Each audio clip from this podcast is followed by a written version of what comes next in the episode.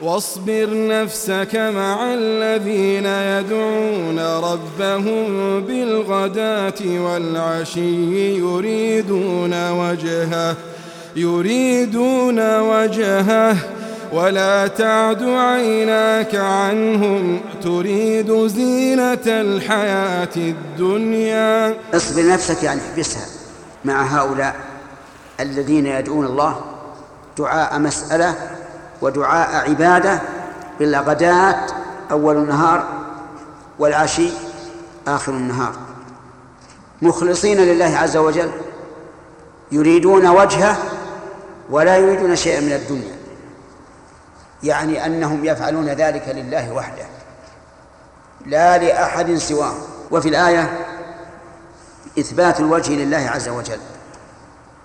أن الله تعالى له وجه حقيقي لا يشبه أوجه المخلوقين. يريدون وجهه وفي هذا الإشارة إلى الإخلاص. لقوله يريدون وجهه. فعليك أخي المسلم بالإخلاص حتى تنتفع بالعمل.